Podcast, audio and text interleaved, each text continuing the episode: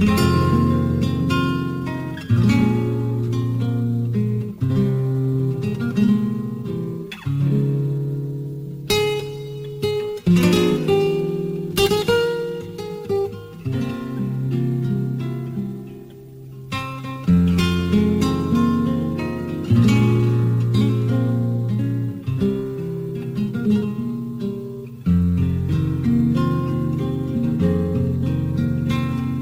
amable, una trista, una petita pàtria, entre dues clarors de comerços antics, de parelles lentíssimes, d'infants a la placeta, de nobles campanades i grans llits de canonge, d'una certa grogor de pianos usats. Mentrestant, la humitat amera l'empedrat. Hi ha fulles de lletuga espargides per terra, la conca entre les cames, el rosari en família, la corda de l'escala, el carrer de la mar, el carrer del miracle, i la filla major brodant inicials conjugals al coixí, l'avi de cos present entre quatre brandons, els corcons de la taula, una lenta tristesa, un amor, unes llàgrimes una pobra nostàlgia.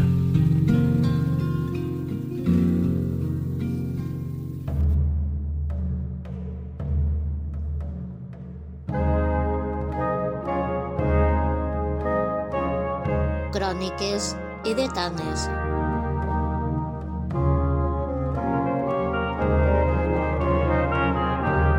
El podcast del Camp de Túria.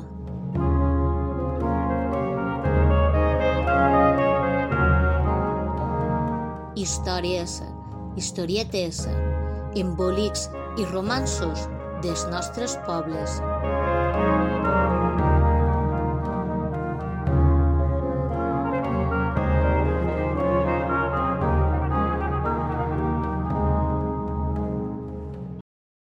El camp de Burxassot i el camp de Borbotó, el secà de Paterna i el secà de Godella, i els cementaris blancs i els rajolars vermells, i el tren que va a Paterna i el que ve de Paterna, i després el de Llíria, i més tard el de Bétera, i aquests tramvies grocs, i Casa la Conilla, i Beniferri, amb Àlbers, i Canyars, i Senders, i els grans pins del castell vinculats damunt la sèquia, i el tren de Burxassot, i el tren que puja a Llíria, i el que baixa de Llíria, i el que acaba a Montcada, i la calç de les coves que hi ha per Benimàmet, i el que acaba en Paterna, i Orinar al Corral, i la flaire dels horts, la calç de les parets quasi blava amb la lluna, i el silenci, i el tren, el tren nocturn, que creua solitari la nit, i el camp de Burxassot, i el camp de Borbotó, i el secà de Paterna, i el secà de Godella, i el Plat del Pou, i els masos, les barraques de lluna, l'alqueria del Pi, i el pixador, i el mas del Rosari, i la casa del Saboner, i el Pi, i el molí de la Sal, i el llibre que descriure, i el tren que ve de Llíria, i el que puja a Paterna.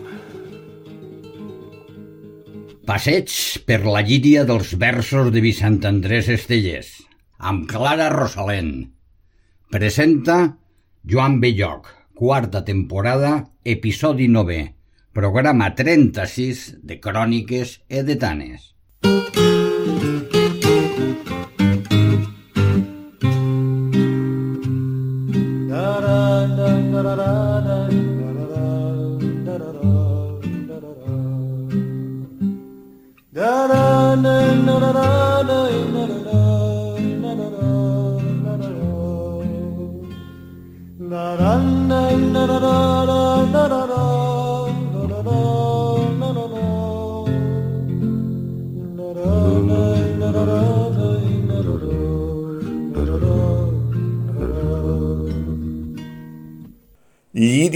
Als textos de Vicent Andrés Estellers.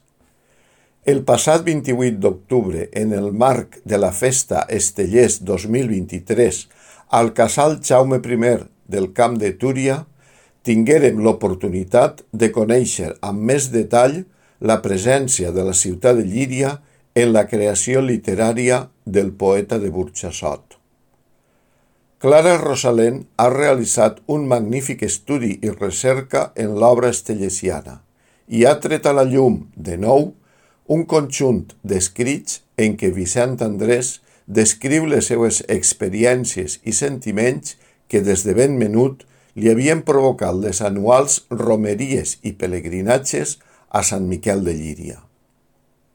Són molts els poemes en què el poeta descriu el santuari, però també pinta amb vivíssims colors els bigarrats carrers de la vila en festes i de l'ermita i la font de Sant Vicent.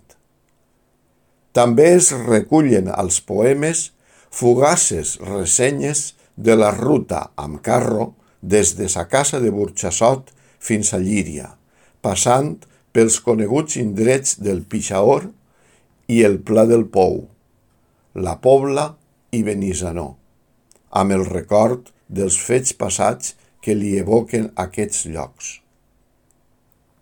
Però és la costa de Sant Miquel i l'interior del santuari allò que li provoca un èxtasi dels sentits, amb colors, calors i olors, amb sensacions contraposades que van des de la molèstia de la multitud de les persones, les mosques i la pols, fins a l'espectacle corprenedor dels invàlids i aliciats, els ciris i els murmuris dels precs i les llàgrimes suplicants. També apareixen nombrosos elements profans que ens fan descobrir la llíria de mitjan segle XX, principalment els productes agrícoles que els particulars oferien als visitants, i el vi, i les xulles, i per damunt de tots, l'oferida magrana, símbol de la tardor que obria les seues portes justament amb la Sant Miquelada. Tot aquest conjunt de vivències del poeta recollides a la seva obra han estat estudiades per Clara Rosalén Heredia, llicenciada en Filologia Hispànica, titulada superior en Música, màster en Musicologia i Educació Musical i professora de Llengües i Literatures a l'IES Laurona de Llíria. A més, Clara forma part del grup de teatre Assaig de la Universitat de València i avui estarà acompanyada per cinc membres d'aquest grup que recitaran els poemes seleccionats d'Estellers. Són els companys Marta Cloquell, Rafa González, Andrea Izquierdo, Àfrica Sánchez i Bruno Tortosa. Amb ells comença el recital.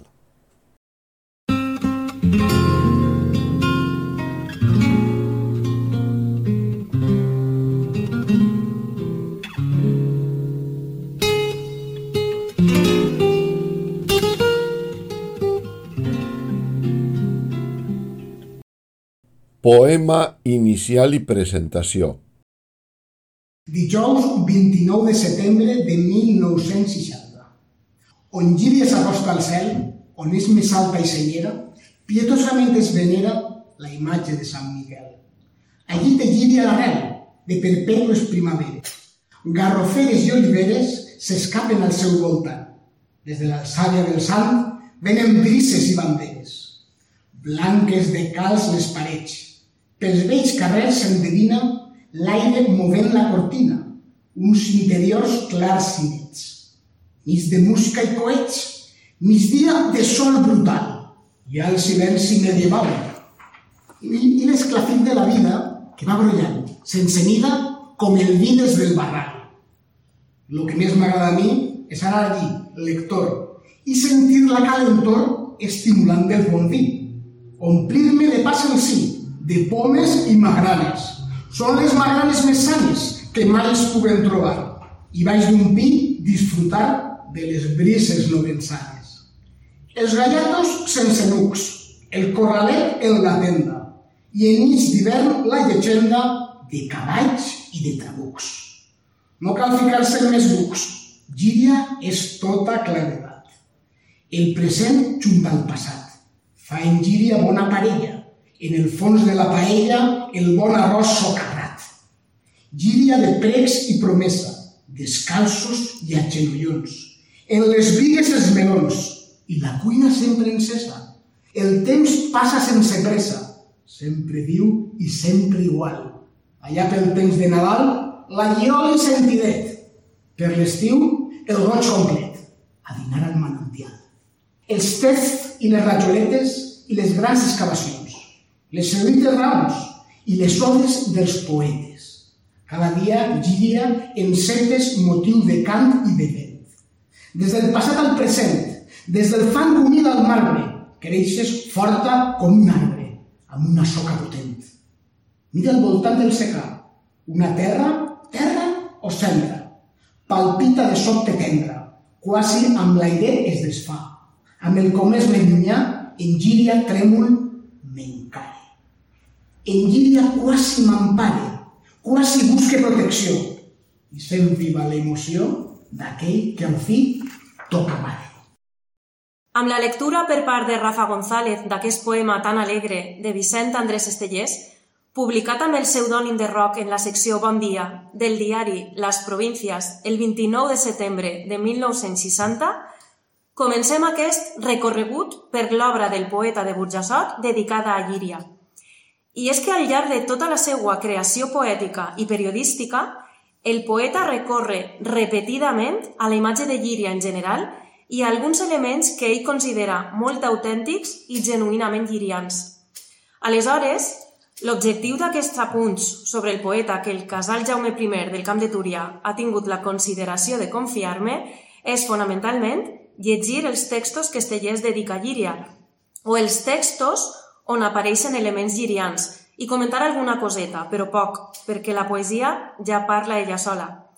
Per a la lectura comptarem amb la, amb la col·laboració inestimable de Marta Cloquell, Rafa González, Andrea Izquierdo, Àfrica Sánchez i Bruno Tortosa, tots ells companys, actors i actrius al grup de teatre Assaig de la Universitat de València. I hem començat precisament amb aquest poema, encara que podíem haver començat per qualsevol altre, perquè, com veurem, els motius girians es repeteixen constantment, en primer lloc, perquè sintetitza tots aquests motius. En segon lloc, perquè forma part de la seva obra periodística, les gazetilles de sabor més popular però no tan conegudes i que cal reivindicar. I en tercer lloc, per què no? Perquè com a bon poema costumista és un poema alegre, colorit, ple de vida, de llum, i els textos optimistes sempre són benvinguts, i més en els temps que corren. De tota manera, qui vulga poesia seriosa que no patisca, que Estellers també ambienta en Llíria alguns dels seus poemes més durs.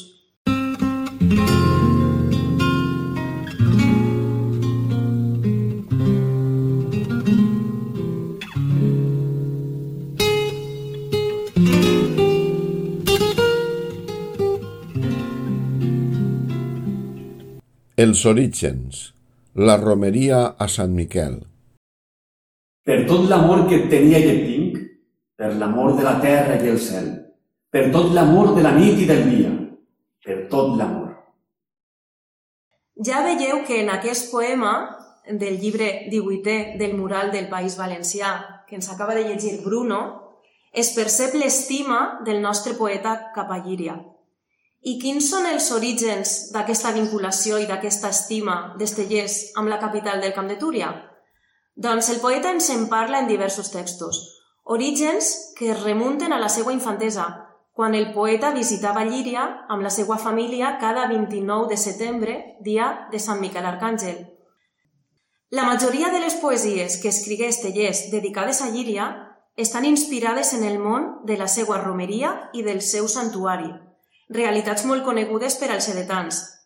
Però per a fer-los més comprensibles a qui no els coneixen, en resaltarem alguns aspectes històrics.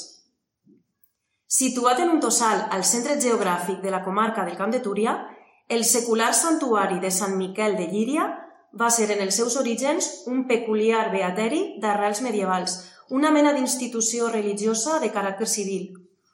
El santuari de Sant Miquel alberga una imatge devocional que ha estat considerada miraculosa per la pietat popular. És, per tant, una imatge a què els pelegrins i devots han atorgat poders taumatúrgics i terapèutics. Fins i tot, alguns creuen que s'hi conserva una ploma autèntica d'un ala de l'arcàngel.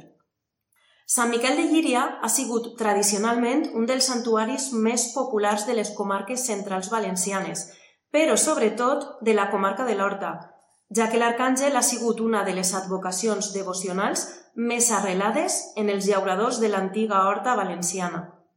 Aleshores era costum fer la romeria a Sant Miquel de Llíria en grups familiars o d'amics, utilitzant com a mitjà de transport carros i tartanes. El viatge es realitzava al voltant de la seva festivitat, el 29 de setembre, i també el dia de la vuitava. Més endavant, amb la inauguració del trenet de València a Llíria el 1888, també començà a utilitzar-se el tren com a mitjà de transport. Era tanta l'afluència de pelegrins que els dies principals de la romeria podia haver fins a 15 trens diaris. Pel que fa al ritual de la visita, els pelegrins pujaven al santuari a peu, a través d'un tortuós camí polsegós. Una vegada dalt, es complien les promeses que havien invocat a la imatge, es donava acció de gràcies per l'ajuda rebuda i es dipositaven ciris i exvots en agraïment pels favors rebuts. També es demanaven nous favors i la promesa d'agrair-li'ls si l'arcàngel accedia a concedir la gràcia. Després de la visita, els romeus continuaven el dia amb un caràcter més festiu, assistint a la fira i dinant a la font de Sant Vicent. Des del segle XIX, la premsa de València publicava cada any extensos reportatges sobre la romeria al santuari de Sant Miquel de Llíria, el qual també ha estat tractat literàriament a major o menor extensió en les obres d'autors com Teodor Llorente, Manuel Sánchez Warner, Carles Salvador, Joan Fuster, però sobretot va ser Vicent Andrés Estellers qui més textos li ha dedicat en la seva obra. L'historiador edetà Francesc Rosalén ja esbossà aquest tema en 2002 en un article dedicat a les festes de Sant Miquel que aparegué en un llibre col·lectiu. Posteriorment ho va fer en un article dedicat a Sant Miquel de Llíria en la literatura i més tard, l'any 2020, en un article a la veu de Llíria, on ja destacava que un dels difusors més il·lustres de la romeria a Sant Miquel de Llíria havia sigut precisament el poeta Vicent Andrés Estellers, que coneixia molt bé el santuari perquè des de xiquet solia vindre amb els seus pares en carro des de Burjassot a fer el pelegrinatge. Doncs bé, fruit de les seues experiències en la Sant Miquelada edetana, molts 29 de setembre, des de la seva columna al diari Les Províncies, Estellers dedicava unes paraules a Llíria, com ja hem indicat en començar aquesta ponència i com tindrem ocasió de comprovar en els pròxims minuts. El nostre poeta també col·laborà amb el diari Levante amb posterioritat i no va deixar de comentar-hi les seues vivències a Sant Miquel de Llíria, com és el cas d'aquest article d'opinió en castellà publicat el 30 de setembre de 1987 i que ens llegirà Andrea. Son muchos los pueblos valencianos que el 29 de septiembre viven sus fiestas patronales. Y viene enseguida el recuerdo de las grandes fiestas que, desde siempre, celebra Lliria y a las cuales asistí yo más de una vez trasladándome desde Burjasot en un humilde carrito que mi padre poseía. Recuerdo todavía que a bordo del carro iban también las cazuelas de pimentón en toñina que mi madre había preparado. Salíamos de Burjasot apenas clareaba, y alrededor de las doce o la una llegábamos a Giria, en cuyas calles se respiraba el ambiente de fiesta. Habitualmente mi padre tenía una preocupación primera, ir a adquirir su litro de vino, mientras el resto de la familia iniciábamos el ascenso, cuesta arriba, hasta el ermitorio, donde se encontraba una gran masa de fieles entre los cuales era más que imposible dar un solo paso. El camino de la ascensión era un camino pintoresco y humano, variopinto. Allí se veían gentes que penosamente subían descalzas y a veces de rodillas como promesa. Una larga serie de dolencias y enfermedades de todo tipo. Gentes con el rostro tumefacto, piernas sangrantes, mendigos de toda condición implorando la caridad pública. En fin, algo que yo, exagerando deliberadamente, he tratado de evocar en una poesía, como una especie de resurrección de la carne. El ermitorio era un hervidero de gentes, de personas que ya habían llegado y ya tenían sitio desde el cual podían asistir a todo. Recuerdo a un hombre de rodillas con los brazos extendidos y en cada mano un cirio encendido. Recuerdo mujeres llorando a moco tendido y rezando prácticamente a gritos. Mis recuerdos son ligeramente confusos, pero recuerdo todavía más. Hubo un año antes de la guerra en que en el curso de una dramática tempestad una chispa eléctrica entró en el altar mayor, rozando, creo, apenas el manto del arcángel. Y recuerdo mi curiosidad malsana por ver, si es que era posible, el vestigio breve del rayo. Jamás lo pude ver. Después de asistir en el ermitorio a la corta y desordenada ceremonia, regresábamos al pueblo, cuyas calles recorríamos. Y yo recuerdo que, con frecuencia, aparecían a la puerta de muchas casas basquets de magranes, a les primeres magranes del año.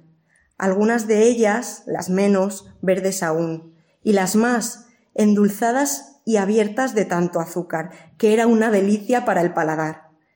Todavía recuerdo la pugna por sacar de sus celdillas los granos rubí.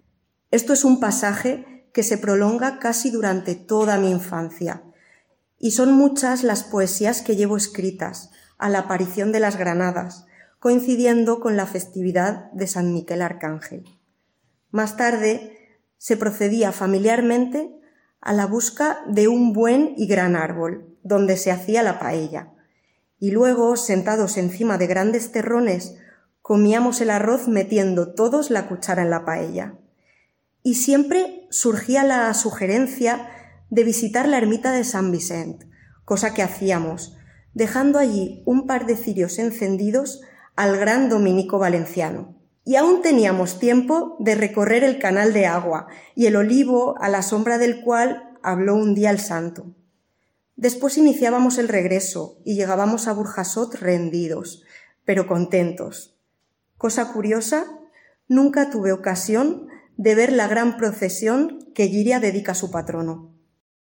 En aquest text, com en el poema anterior, ja hi rompen alguns dels motius típics de la literatura lliriana d'Estellers, com són la peregrinació a Sant Miquel, la multitud, el poeta li diu camino pintoresco i humano, variopinto, composta pels captaires, els tolits, els malalts, els pelegrins resant i cridant, els descalços, apareix també l'ambient de festa Apareixen els productes agrícoles com el vi i les magranes tan importants en la seva creació i apareixen Sant Vicent i l'aigua. Ens detindrem a observar com apareixen aquests elements en els poemes i els anirem ampliant amb uns altres.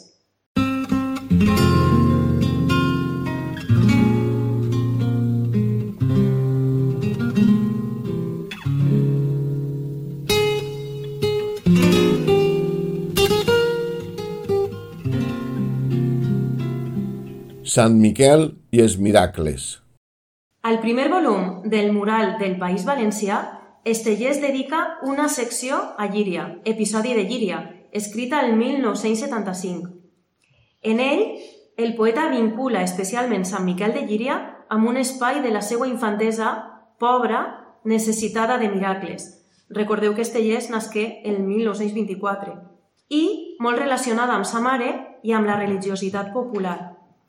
A través de la peregrinació ens parla de la fragilitat humana i de la misèria de les classes populars abandonades i marginades en busca d'una protecció que no trobaven en la societat d'aleshores. Conserve molts records de Llíria. És la meva infantesa, pobra, necessitada de miracles. Que no falte la feina a l'home, que mai no ens falte un tros de pa, que estiga prenyada la vaca i la puguem vendre a bon preu, Feu que puga pagar els tres duros del lloguer de la casa. Conserveu-li l'ull al meu fill, n'ha perdut un i llegeix molt. Que creixca normalment la filla després de l'operació. Si podeu encara, lleveu-me aquest pes als peus i a les cames. Perquè vivíem de miracle. Creia la mare en els miracles. Agafava un braçat de ciris i es duia a Sant Miquel de Llíria. Ho feia sempre a la vuitava, amb els braços en creu, descalça. Pujava resant la muntanya la nostra vida era un miracle. Eren anys de ciris i estampes. Hom les veia per tot arreu, les cantoneres, a taula, al capçal del llit, a migdia i anant-nos tots a dormir. La meva mare a la cadira ajuntant totes les estampes, agrupava la més diversa població celestial. S'agenollava i es resava, i no oblidava demanar-los, això aquest, ara jo, aquell altre. I després desava l'estampa i la retornava al seu lloc. Així van transcórrer els anys de la meva infantesa pobra. I si Joan queia al carrer i tornava amb un bony a casa, la meva mare, docta, deia Això és que avui no t'has senyat. anys d'estampes, miracles, sants, anys que veig com canyars de ciris amb un pètal de foc incert. La meva mare es va passar dolorosament l'existència sembrant de ciris els altars, enramant de ciris els pobres. Jo la recorde, agenollada, amb dramatisme contingut, a les ermites i li queien llàgrimes com de pus. Duia molt net el davantal. Va transcórrer la meva infància d'aquesta ermita a l'altra ermita, agafat a la meva mare. Recorde Sant Miquel de Llívia. Vam anar moltes vegades. Enguany demanarem açò. El meu pare callava sempre i arribat el dia enganxava ben de matí en silenci el carro. Conserve molts records de Llívia. El fanalet del carro encès, el pimentó amb tonyina dins, la cassola de fang, eixíem molt matiners de Burxaixot. Sempre eixia alguna veïna, tenia algun malalt a casa i no podia anar a Llívia. Li donava un parell de ciris a la meva mare i li deia Li els posaràs per mi a l'Arcàngel. endormiscat, veia passar les pobres cases del meu poble, carrer amunt, en silenci. En arribar al pixador ja començava a clarejar. Veia els alxups, els garrofers, d'ombra molt ampla i generosa, els esquemes dels ametllers, els casalicis dels alxups. El pla del Pou després sabria la batalla que es va lluitar, desenterrament d'uns soldats, enrenou de cavalls i carros, borratxera dels vencedors, vençuts d'espardenyes rompudes. I la Pobla i Benissanó. Baixarem en tornar a casa i li resarem a la Verge que et va curar la llacrà. sols mosques i molta pols. Llíria tenia un prestigi de xulles, de pa, de magranes. El meu pare alabava el. El vi fa més forta la sang. Un tros de ceba crua, un got de vi i pot l'home treballar. Ens rebia la pols, la pols magnànima, una pols com d'alguna monarquia, la pols conventual que no enrutava, una pols tova i dolça, una pols òssia, pols cerimonial, patriarcal.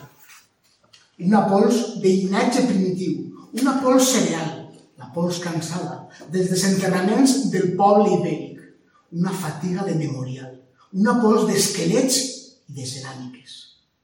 Mentre pujaven a l'ermita, meu pare comprava el vi, comprava xulles i magranes, aquells il·lustres magranes com les metàfores de Góngora, les pomes de Lope de Vega amb aquell mort d'aigua o cristall i aquells pins solemnes i grans. Com heu comprovat, en aquest poema interpretat per Rafa i Àfrica apareixen alguns elements que ja hem comentat. La romeria de Sant Miquel, la vinculació de Sant Miquel als miracles, la religiositat popular... Apareixen alguns elements típics de Llíria, com el paisatge rural encarnat en els amellers, l'aigua, els productes de la terra com el vi, les xulles, les famoses magranes. Apareix també el símbol de la pols i del fang, relacionat amb el pas del temps, de la història i d'alguna manera també amb el fracàs. Però apareixen motius universals com el patiment maternal i la misèria. Aquesta imatge de Sant Miquel vinculada als miracles la tornarem a veure en altres poemes, com aquest publicat a El gran foc dels Garbons i que ens llegirà Marta. Tenia un fill. El vaig criar, donant-li allò que diuen educació.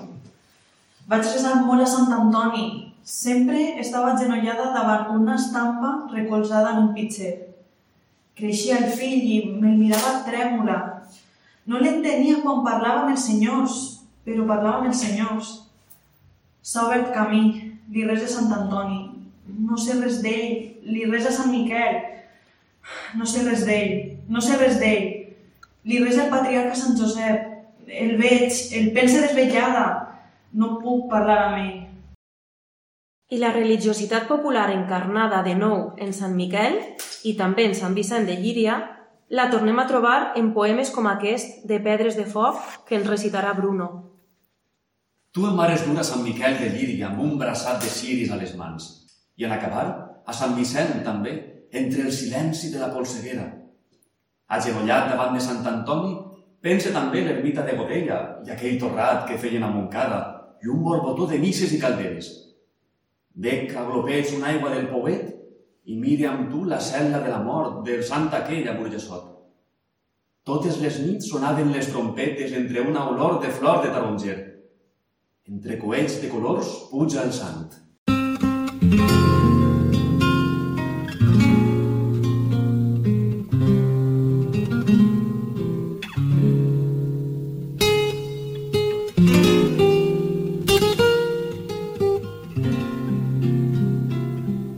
Sant Miquel, la multitud. Però no abandonem la gènesi dels motius llirians d'Estellers, és a dir, la romeria de Sant Miquel. Com estem veient, el dramatisme i el sofriment que es respirava al santuari l'impressiona de tal manera que posteriorment aquest ambient el traslladà a algunes de les seues poesies.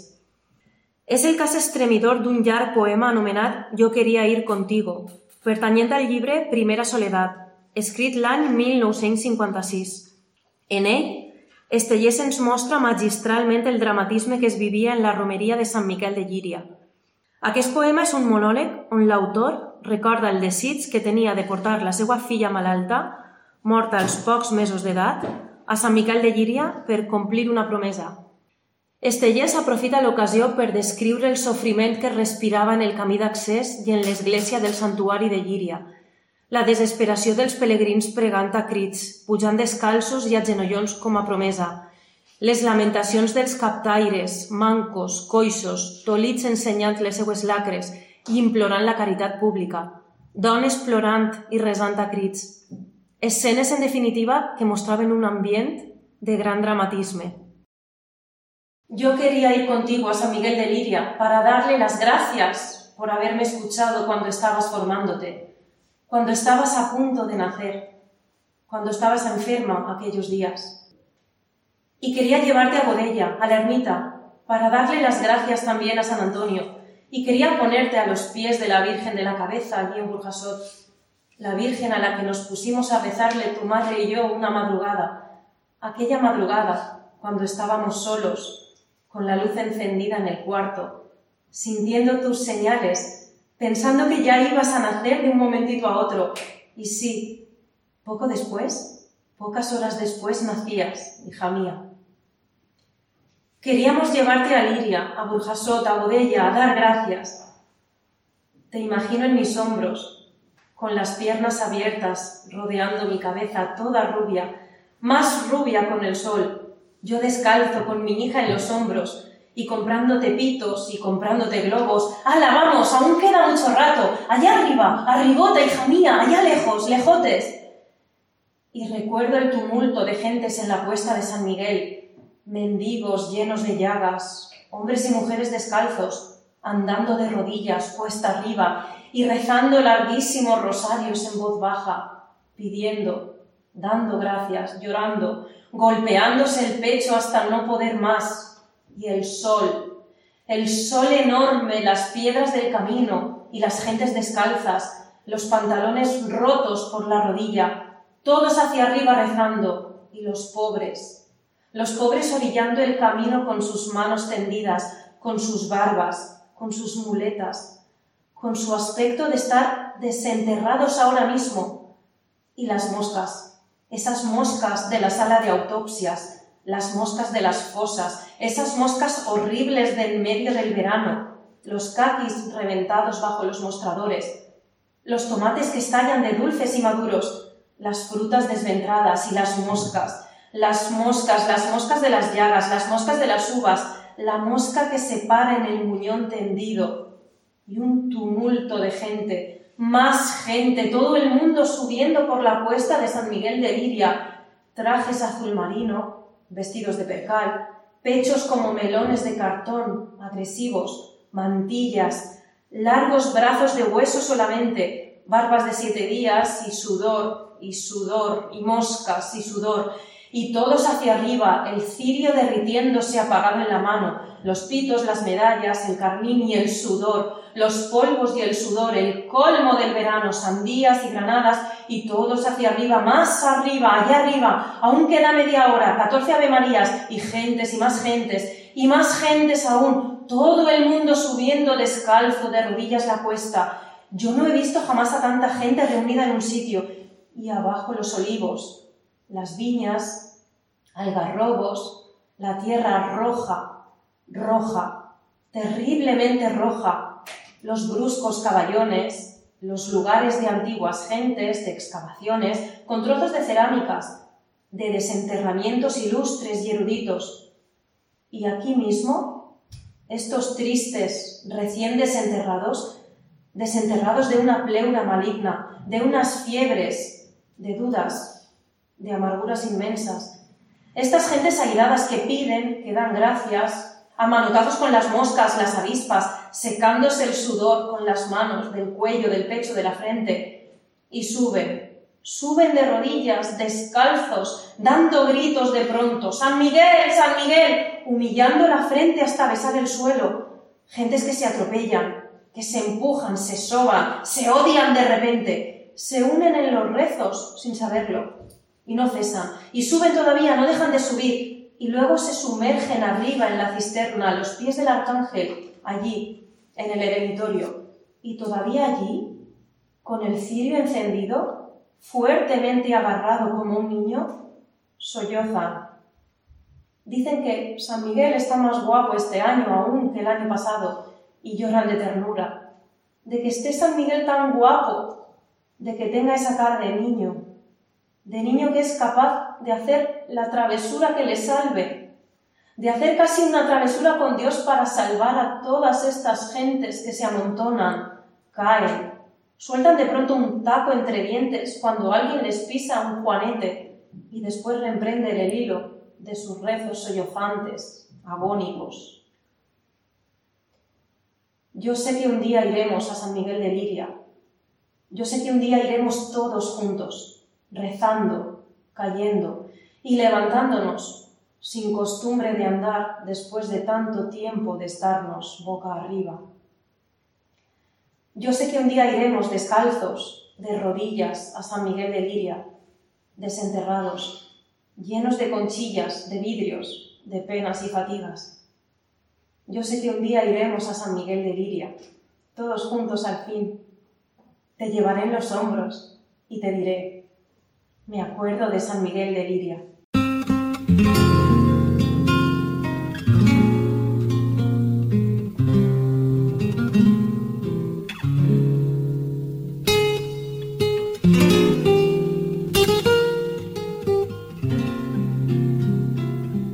Llíria i el temps. I seguim seriosos i profuns. El primer poema que dedica Estellers a Llíria, al mural del País Valencià i que han llegit Àfrica i Rafa abans, el poeta fa referència a la pols, que hem interpretat com la imatge del pas del temps. En el següent poema del mural del País Valencià, també dedicat a Llíria, tornarem a trobar, entre altres, el motiu de la pols i de la història. En seu llig, Rafa. Dominical Pontifical de Pedra. De pedra i vi i magranes obertes com pols i pols i pols acumulada, temples antics, poble desenterrat, principi greu, inicial de música, pares la llum i disposes la taula, i amb mans, amb punys argumenta una còlera fent tremolar els melons de les vigues. Al segon volum del Mural del País Valencià, el nostre poeta torna a dedicar a Llíria uns versos titulats Dibuix del fang de Llíria i que també parlen entre altres coses, del pas del temps. Ens ho llegirà Àfrica. Coses d'entrat de la perduda pàtria. Apedaçant els textos amb filferro, han fet tronar músiques no extingides, la rodonor exacta de la festa, reviscolant, en miniat dibuix, unes arrels, una perseverança. Aquell afany, continguda en penta, i ara segueix, convocada als pobles, tornen ritmes febrils d'amor i lleugeresa, justificant el reiterat prestigi.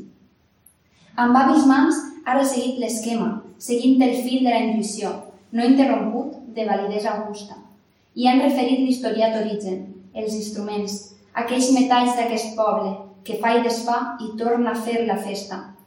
La seva sang agrupadora i càlida, el vehement desig i l'esperança.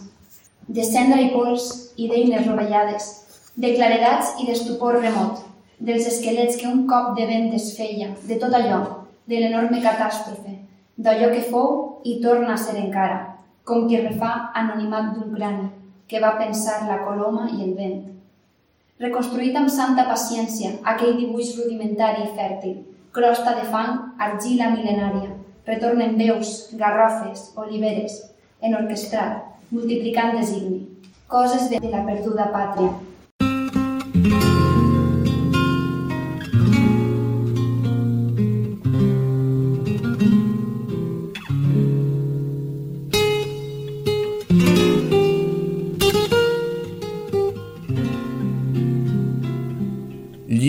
i les enumeracions caòtiques. Llíria també apareix a Coral romput, de 1957, poema que té el valor de recollir l'univers poètic del nostre autor. Un univers personal i immediat, vivencial, més que realista, com diria Joan Fuster, fet de la presència i la memòria de Burjassot, dels carrers de la ciutat, de l'amor familiar, de la constància de la mort, que el poeta ha experimentat en primera persona amb la mort de la seva primera filla i dels anells d'escapar d'aquella condició estroncada i de viatjar. I en aquest context, en una enumeració en la que és difícil respirar, apareix de nou Llíria en l'entorn d'Estellers, aquesta vegada amb la referència al tren. El camp de Burjassot i el camp de Borbotó el secà de Paterna i el secà de Godella, i els cementaris blancs i els rajolars vermells, i el tren que va a Paterna i el que ve de Paterna, i després el de Llíria, i més tard el de Bètega, i aquells tramvies grocs i casa la Conilla, i Beniferri amb àlbers i canyars i senderes, i els grans pins del castell vinclats damunt la sèquia, i el tren de Burgessot, i el tren que puja a Llíria, i el que baixa de Llíria, i el que acaba en Montcada, i la calç de les coves que hi ha per Benimàmet, i el que acaba en Paterna, i orinar al corral, i la flaire dels horts, la calç de les parets, quasi blava amb la lluna i el silenci. I el tren, el tren nocturn que creua solitari la nit, i el camp de Burgessot, i el camp de Borbotó, i el secà de Paterna, i el, i el secà de Godella, i el pla del Pou, i els masos, i les barraques de la lluna, l'alqueria del Pi i el pixador, i el mas del Rosari, i la casa del Saboner, i el Pi, i el molí de la Sal, i el llibre que he d'escriure, i el tren que ve de Llíria i el que puja a Paterna.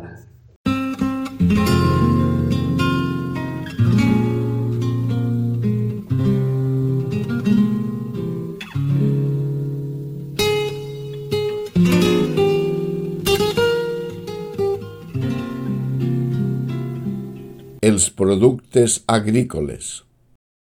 I amb aquesta enumeració que ens acaba de llegir Bruno, Deixem les telles destrossat i desesperat i tornem, com al començament del nostre relat, a l'Estellers més terrenal. La imatge de Llíria en Estellers no es pot desvincular de determinats productes agrícoles que el poeta vincula amb el transport en carros, un altre element que apareix repetides vegades en la seva creació, com és el cas d'aquest poema del gran foc dels garbons que ens llegirà Marta. O evoca el net de Nadalet i pensa, carros que arriben de la Pobla o Llíria, carros que tornen de l'Almara, carros, carros de l'Horta, de la carretera, carros que duien els bocois del vi, carros que duien la pinassa, carros, carros d'aigua, remotíssims carros duien l'arena per al jazz. S'enduien nocturnament i cautelosament els excrements de la basseta, carros, carros que duien el gresol encès i el gos darrere i la llengua fora, carros que et creuen el cervell, els carros, els carros orbs i el carreter dormint. I aquests carros, carregats de vi, de pinassa, d'aigua, d'arena, ens tornen a l'Estellers més popular i alegre que parla dels productes agrícoles del camp de Llíria, un altre dels elements llirians més típics del poeta. Setembre té les cistelles totes plenes de magranes. La pols i les teranyines despertes en les andanes. Ja ve Sant Miquel de Llíria, ja ve Sant Miquel Arcàngel. el vi que canta en la bota, l'olor de xulles torrades. S'omplirem de medalletes de dalt a baix de les solapes. En els balcons de setembre maduren les carabasses. Ja ve Sant Miquel de Llíria, ja ve Sant Miquel Arcàngel. Aquest poema que acaben de llegir Andrea i Bruno pertany al recull d'innumerables versets al tall de gasetilles rimades sobre temes d'actualitat publicats entre els anys 1959 i 1974 en el diari Les Províncies en la secció Bon Dia i signades amb el pseudònim de Roc. Cada any, per finals de setembre i principis d'octubre, el nostre poeta sempre dedicava els versets de la secció a Sant Miquel de Llíria. Eren uns versets planers, escrits amb gràcia i en un llenguatge col·loquial on es mostra l'esteller més popular que escrivia en valencià per arribar al major número de lectors. Al llarg d'aquest homenatge n'hem recuperat uns pocs, però entenem que pot haver-ne fins a 16, d'acord amb la vigència de la secció Bon Dia al periòdic.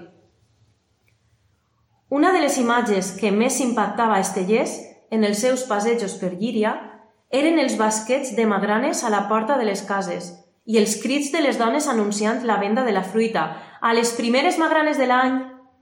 Un fruit que procedia dels nombrosos magraners que hi havia a l'horta vella de Llíria.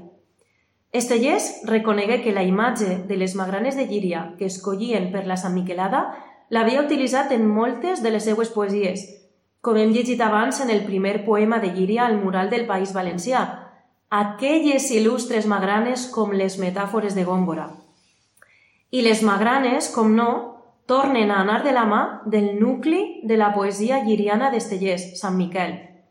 Les magranes i Sant Miquel de Llíria perdurarien per sempre en la seva memòria.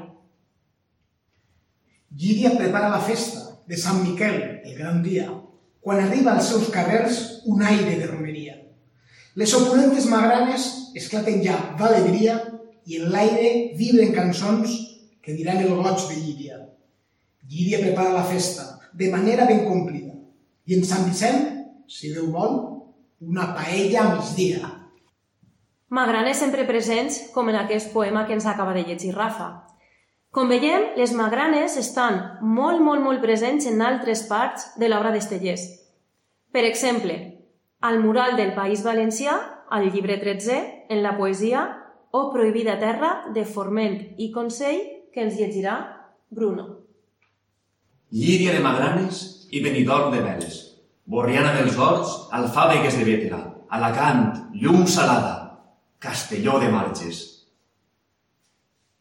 També, com hem vist més amunt, el poeta recordava el bon vi i les vinyes de Llíria, com llegim al mural del País Valencià al llibre 20, tant del País Valencià.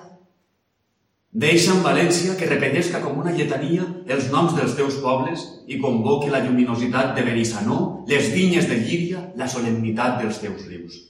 I parlant de cursos d'aigua, la bellesa del brollador de Sant Vicent de Llíria, amb la seva olivera, els garrofers i l'ermita, també foren protagonistes d'alguns versos del nostre poeta, com descriu, una vegada més, al mural del País Valencià. Fontana breu, perseguit d'olivera. Creixia el foc de sota els garrofers, arromangat, i entrava a l'ermita amb aigua als dits. Però després d'aquest breu poema interpretat per Rafa, tornem al nucli urbà d'una llíria en festes.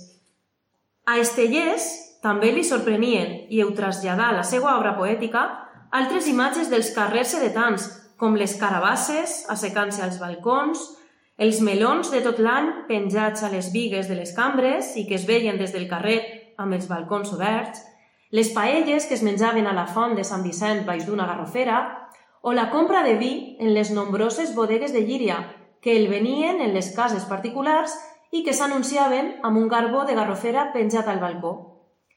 Tot aquest ambient festiu i aquesta explosió de vida la reflecteix molt bé en aquesta gazetilla de 1963 que ens llits Marta. Comença la festa en Llíria i la festa no s'acaba. Gallato, barral de vi, poma, raïm i magrana. Hem d'anar a Sant Miquel el dia de la vuitava. Les xulles en les brases, després el té de muntanya. Anirem a Sant Vicent i veurem com corre l'aigua, entre una olor de paelles a l'una i l'altra banda. Comença la festa en Llíria i la festa no s'acaba. Medalletes i promeses. I costa molt la pregària. Els sírienses en la mà, Sant Miquel de llarga capa, el calendari i el cor, l'un parla si l'altre calla, em diuen que avui diumenge celebra la vuitava. Jo sé qui tindrà el cor avui tot el dia en la muntanya.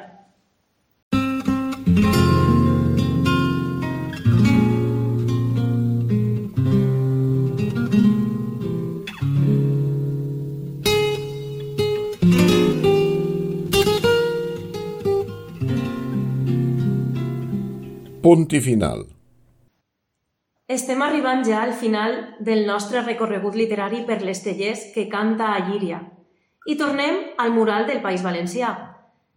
El següent poema del segon volum, titulat precisament Llíria, condensa una vegada més tots els elements que hem analitzat, la pols, el camp, l'aigua, la religiositat, la música, ens el llits Àfrica.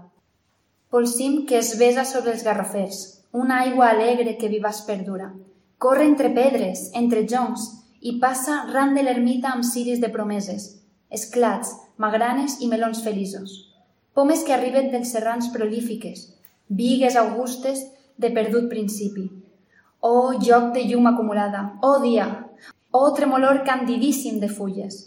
Temple polsós de murs gruixuts, de calç, Inicial enramada de música, coster amunt dels pelegrins, ceràmics. Esventrament amorós del passat. L'arcàngel guarda les collites. Venen carros de nit, el fanalet del cés.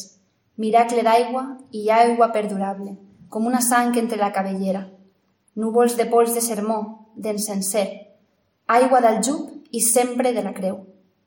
I concloem, de nou, amb el mural del País Valencià, al llibre 11 té dedicat un poema al Camp de Túria on parla de tots els pobles de la comarca.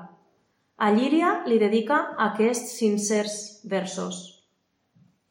Desenterrat, desenterrada glòria, l'explosió, la terra escarbotada, en un basquet o ferides magranes, temple brancut de l'Antic Testament, o oh, murs de fang, lentíssima costera, a Sant Miquel li ha florit l'espasa.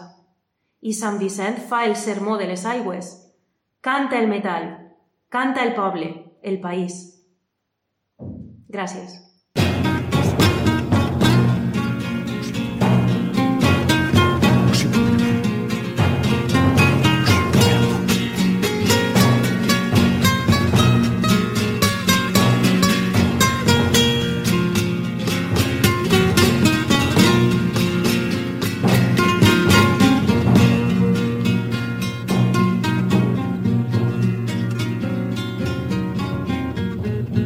Fins ací els versos estellesians sobre Llíria.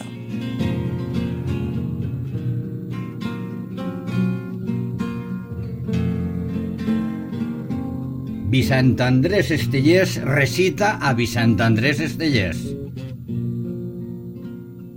No podràs escriure els poemes i callaràs tota la nit mentre dormen les teues gens, i tu sols estaràs despert, i tu estaràs despert per tots. No t'han parit per a dormir, et pariren per a en la llarga nit del teu poble. Tu seràs la paraula viva, la paraula viva i amarga. Ja no existiran les paraules, sinó l'home assumint la pena del seu poble i és un silenci. Deixaràs de contar les síl·labes, de fer-te el nus de la corbata. Seràs un poble caminant entre una amarga polseguera, vida amunt, nacions amunt, l'enaltida condició. No tot serà, però, silenci. Car diràs la paraula justa, la diràs en el moment just. No diràs la teua paraula amb voluntat d'antologia, que la diràs honestament, iradament, sense pensar en ninguna posteritat com no siga del teu poble. Pot ser et maten o pot ser es enriguen, pot ser et delaten. Tot això són banalitats. Allò que val és la consciència de no ser res si no s'és poble. Ara sí, punt i final del podcast de Cròniques Edetanes i ens aclamem a tots vosaltres amb els versos d'Estellers en la veu de l'edetana Mireia Vives i la sinfonia de la Unió Musical de Llíria.